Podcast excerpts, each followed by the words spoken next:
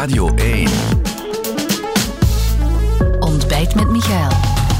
Een nieuwe jaargang van ontbijten en mijn gast van morgen voor dit eerste ontbijt van deze nieuwe jaargang is Zoal Demir, Vlaams minister voor Energie. Radio 1. Ontbijt met Michael. Goedemorgen, mevrouw Demir. Als uh, eerste gasten voor onze nieuwe reeks van ontbijtgesprekken. Um, ja, deze week, u, u, was dominant, maar we hebben u wel niet veel gehoord, echt. Maar uh, u hebt wel veel uh, die actualiteit beheerst. Um, ja, we hebben gisteren natuurlijk een heel overleg gehad over uh, Ventulus. En begin deze week was het, het overlegcomité.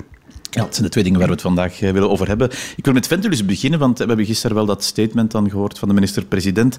Maar hoe, hoe, was dat dan? Hè? Want het was ja, voor de eerste keer echt dat u met die burgemeesters dan sprak. Dat is wel rijkelijk laat, want ja, het dossier is klaar om te beslissen. Ja, we hadden met de Vlaamse regering een jaar geleden een intendant aangesteld. En uh, ja, dat was onze contactpersoon om uh, overleg te organiseren en te spreken, zowel met de actiecomité's als met de burgemeesters. En ook alles met een open vizier te bekijken, los van het voorstel van Elia.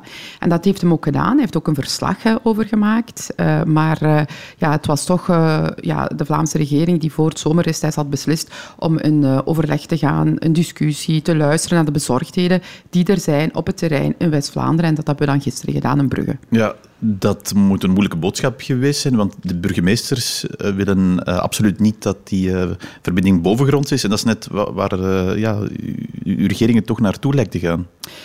Ja, wat dat positief was, vond ik dat uh, de burgemeesters uh, zich achter de doelstellingen scharen. Dus de zes doelstellingen. Wat, wat hadden jullie dan in die doelstellingen? Dus de, de, hoofddoelstellingen zijn vooral natuurlijk de energie van zee op land te trekken, een versterkt net te voorzien in West-Vlaanderen, zodat als er bedrijven bij komen, dat die ook op het net kunnen worden aangesloten. Dat is essentieel. Ook netversterkingen, ook een backup van Stefan. Moest er iets voorvallen, dat we toch altijd een backup hebben.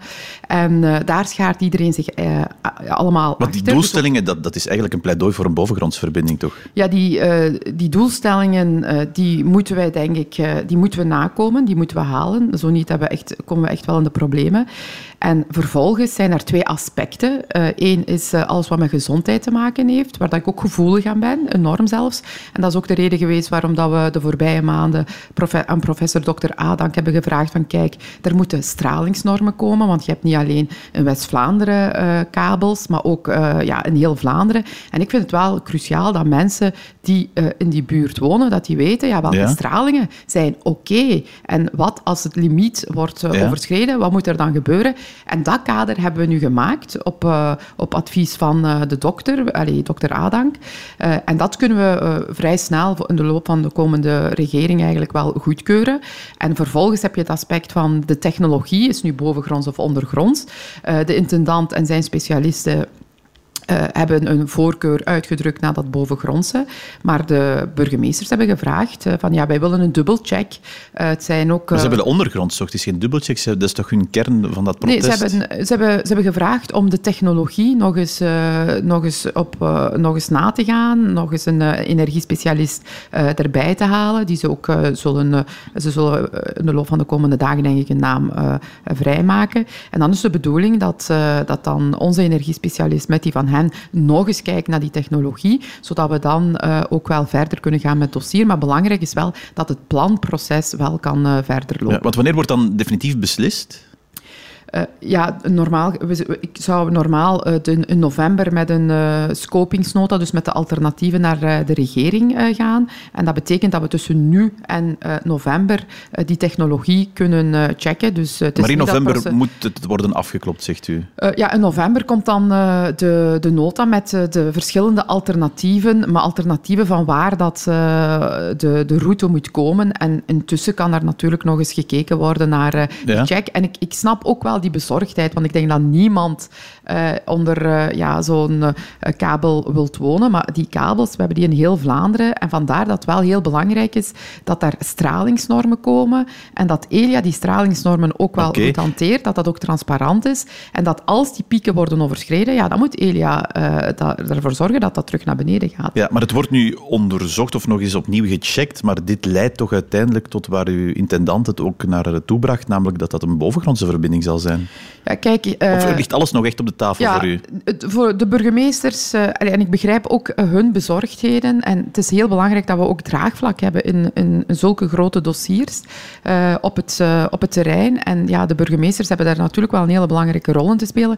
En als zij zeggen van kijk, wij denken toch dat daar nog eens moet gekeken worden naar die technologie, ja, dan kunnen we dat doen zonder dat, dat het planproces en zonder dat daar ook vertraging eigenlijk ja, komt. u zegt nu heel voorzichtig, denk ik toch, het, het zal toch wellicht tot een bovengrondse verbinding leiden. Nee, ik zeg gewoon dat we rekening hebben gehouden met de bezorgdheden die er zijn, want we hebben ook goed geluisterd naar die burgemeesters. Die stralingsnormen die komen daar aan. daar komt ook een monitoring, sensoren, maar dat geldt voor heel Vlaanderen.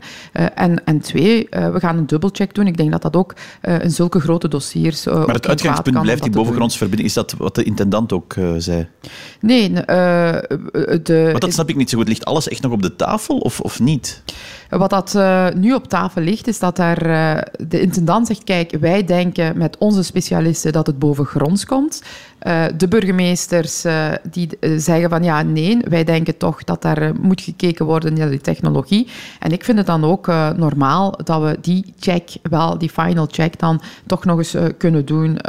want ja, uh, ik denk dat dat ook in zo'n groot dossier wel belangrijk is, uh, dat, uh, dat die final Want check Want als die final check, wat u nu zegt, leidt tot, tot de suggestie voor een ondergrondsverbinding en u legt dat dan naast het rapport van de intendant, ja, wat kiest u dan van die twee? Ja, wat is uw eigen voorkeur? Ja, ik ga daar ook nog niet op vooruitlopen. Mijn voorkeur is dat de plandoelstellingen worden nageleefd. Dus er zijn zes plandoelstellingen en die zijn cruciaal. Zeker vandaag de dag. We zitten met een, met een probleem rond energie, energiebevoorrading. Die energie van op zee moet op land komen. Die netversterkingen moeten er komen. Uh, die backup moet er komen, want ik vind dat je als overheid geen risico mag nemen om uh, naar, uh, ja, naar geen backup te plannen. Dus die plandoelstellingen zijn essentieel. En daar heeft men wel gezegd van kijk, dit ga, wij, wij scharen ons daarachter.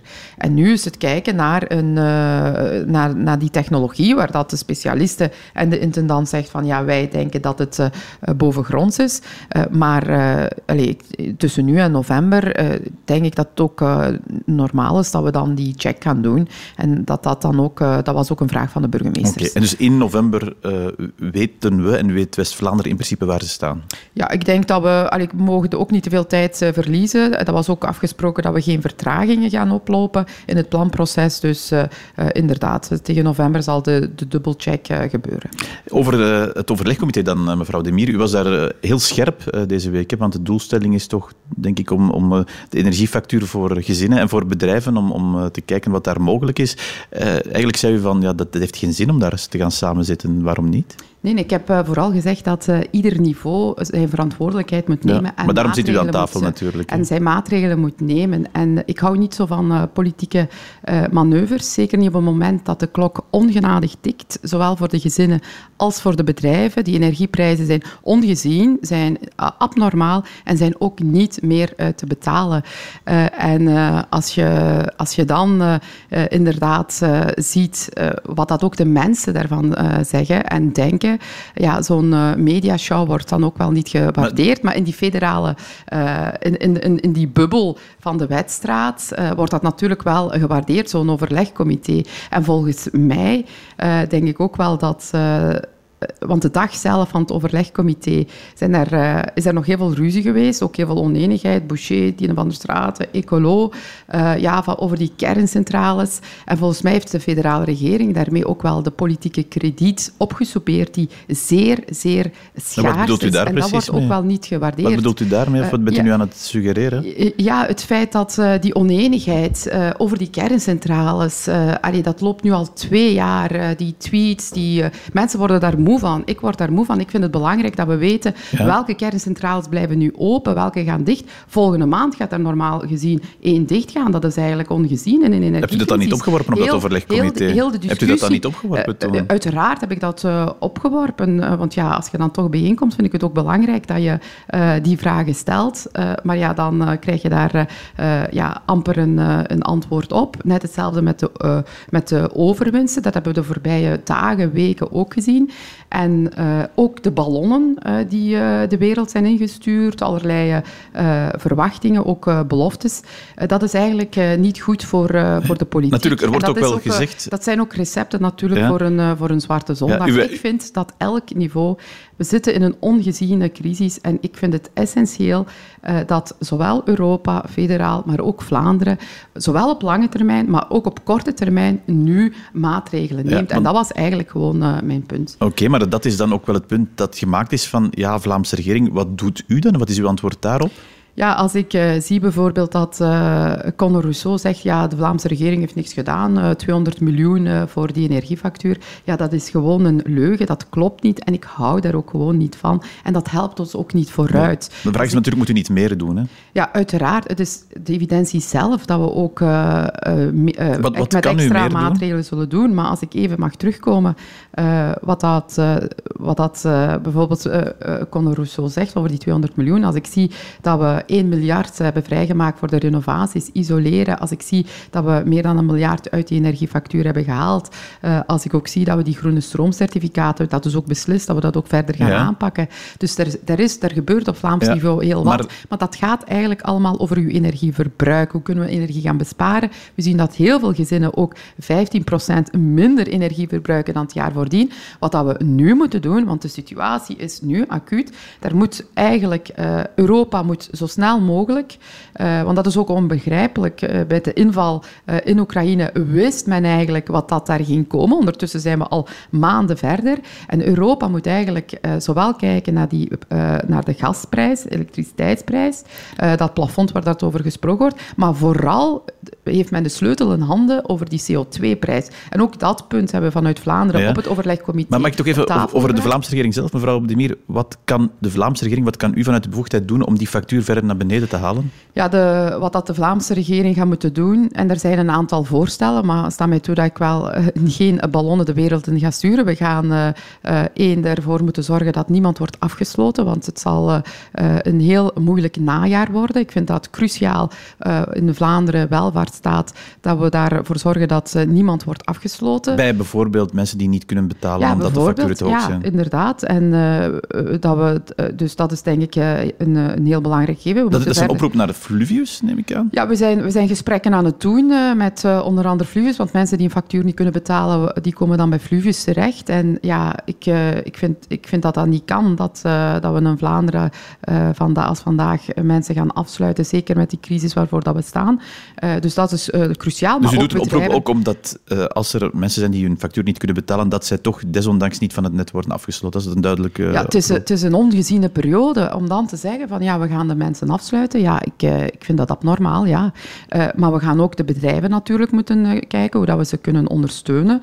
dat, daar is collega Broens mee bezig. Collega Somers heeft ook al gevraagd aan de lokale bestuur om het goede voorbeeld te geven. Collega Matthias Diependalen zal waarschijnlijk ook wel binnen zijn bevoegdheid iets doen. Dus we hebben een eerste gedachtenwisseling ook in de schoot van de regering gehad. En het spreekt voor zich, denk ik, dat is de evidentie zelf, dat we ook we hebben, dat we op korte termijn ook bijkomende maatregelen nemen. Ja, wanneer mogen we die dan verwachten? Of wanneer mogen de mensen die verwachten? Ja, ik uh, ga daar ook geen timing op uh, zetten. Dat zou ook niet verstandig zijn. Maar uh, ja, ik denk liefst zo snel mogelijk dat dat ook duidelijk is. Maar veel Voor de begroting nog, want de begroting, de, de, septemberverklaring is eind deze maand. Ja, dat is, dat is nog een maand natuurlijk. Ja, in normale omstandigheden werken we inderdaad naar die begroting toe, naar die septemberverklaring toe. Uh, er zijn uh, heel wat collega's die de afgelopen uh, maanden ook gewerkt hebben en die heel wat voorstellen hebben. En ik denk dat het normaal is dat we de komende dagen daar verder over spreken, maar ik ga mij niet pinnen op een datum van dan zal het er komen. Ik denk dat het cruciaal is dat voordat we de winter ingaan, dat we weten op korte termijn wat kan uh, Vlaanderen nog doen? Maar als ik even mijn punt mag maken over die, uh, die CO2-prijzen, want dat is ook gigantisch de lucht ingegaan, dat is ongezien. En dat, heeft een, dat is iets wat dat Europa zelf in handen heeft. Men, kan daar, daar, men moet daar niet mee gaan onderhandelen met ik weet niet welke leveranciers. Dat, men kan zelf die prijzen terug normaliseren. En dat heeft een effect niet alleen op de facturen van de gezinnen, maar vooral op de energie-intensieve bedrijven. Vlaanderen is geïndustrialiseerd. In Vlaanderen heb je heel wat uh, energie-intensieve bedrijven. Vooral, en dat is wat aan mij uh, uh, heel veel zorgen maakt, duizenden mensen die te werk gesteld zijn in die bedrijven. Als Europa nu niks gaat doen om dat de, de, omdat ecolo en groen daar heel veel tegen is, want wij vragen dat eigenlijk al lang al, ja, dan gaan we wel heel dat industrieel weefsel dat we in Vlaanderen hebben kapot maken, maar vooral een gevolg van een collectieve verarming, jobverlies en dan is dat natuurlijk wel heel zware gevolgen voor de mensen. Ja, u zei daar straks ook, we gaan ervoor zorgen of gaan er proberen voor te zorgen dat mensen niet worden afgesloten. Dat, dat uh, zijn vaak sociaal zwakkeren ook, of mensen met lage inkomens die dat uh, wellicht te wachten staat. Vaak ook mensen die huren. Ik hoorde uw minister-president deze week bij ons in de ochtend zeggen, ja, huren, dat, daar heb je dan voor gekozen. Uh, gaat er dan niet naar die groep gekeken worden die, die het waarschijnlijk ook wel moeilijker hebben? Ja, ik ken Jan vrij goed en ik weet heel goed dat hij ook goed beseft dat die huurders ja. een kwetsbare groep is. Daar ligt die uitspraak, vooral duidelijkheid, nee, wel niet nee, op te wijzen. Hè? nee, Allee, als je Jan goed kent, weet je dat hij ook weet dat huurders zeer kwetsbaar zijn. Dan is dat toch en, anders overgekomen? Ja, het kan inderdaad anders zijn overgekomen, maar ik weet wel dat collega Matthias Diependalen ook wel daarnaar aan het kijken is en dat hij aan het zien is van wat dat hij kan doen. sommige verhuurders hebben nu al gezegd van kijk, wij gaan niet indexeren, want wij vinden dat niet normaal. Inderdaad, dat is ook niet normaal. Dan ligt u bij de, de, wil van de verhuurders natuurlijk. Hè. Kan u als overheid daar ook ja, dus vandaar, die groep allee, extra beschermen? Ja, dus vandaar dat ik ook zeg dat collega Diependalen, die daarvoor bevoegd is, die is daar naar aan het kijken. En die zal waarschijnlijk ook, zoals heel wat collega's, hebben voorstellen. Maar het heeft ook geen zin, zoals dat ik heb gezegd, om, en daar ergeren de mensen, denk ik, zich ook wel heel terecht aan, om beloftes te doen, om allerlei ballonnen de wereld in te sturen. Ik weet wel dat iedereen in die Vlaamse regering, alle collega's, voorstellen heeft. En wij zullen daar collectief over moeten beslissen. En da daar zijn we de komende dagen mee bezig. U zegt komende dagen nog heel, heel kort daarover, dus dat kan eventueel ook voor de septemberverklaring nog komen wat u betreft. Ja, ik ga mij daar niet op, uh, op pinnen. Ja, uh, die timing heb ik zelf ook niet in, in, in handen. Uh, in normale okay. omstandigheden werken we ernaar, maar het zijn natuurlijk abnormale omstandigheden. En ik weet dat één ieder in die ja. Vlaamse regering hard aan het werken is en dat er voorstellen zijn. En we gaan daar een goed evenwicht moeten vinden om, om te doen wat dat we kunnen doen. En alleen op die manier geraken we vooruit als iedereen op zijn niveau beslissingen neemt. Oké, okay, we gaan het de komende dagen en weken zien en afwachten. Allerlaatste korte vraag, mevrouw Demir. Iets heel anders. Het is vandaag de lage landenlijst op Radio 1. Uh, Xavier Taverne is van mensen aan het zoeken wat hun favoriete nummer 1 is. Ik had beloofd het u ook te vragen. Ja, uh, vuurwerk, want ik denk dat het een heel uh, pittig najaar gaat worden. Uh, het zal denk ik ook nog kletteren als ik zie dat het stikstofdossier ook door de Boerenbond terug op tafel is gezet. Dus ja, misschien vuurwerk. Ja, ik weet niet of die in aanmerking komt, maar ik geef hem door. Dank u wel, mevrouw Demir, voor dit gesprek. Dit was Ontbijt met Michael, een podcast van Radio 1. Ontdek nog meer podcasts van Radio 1 in onze app en op radio1.be.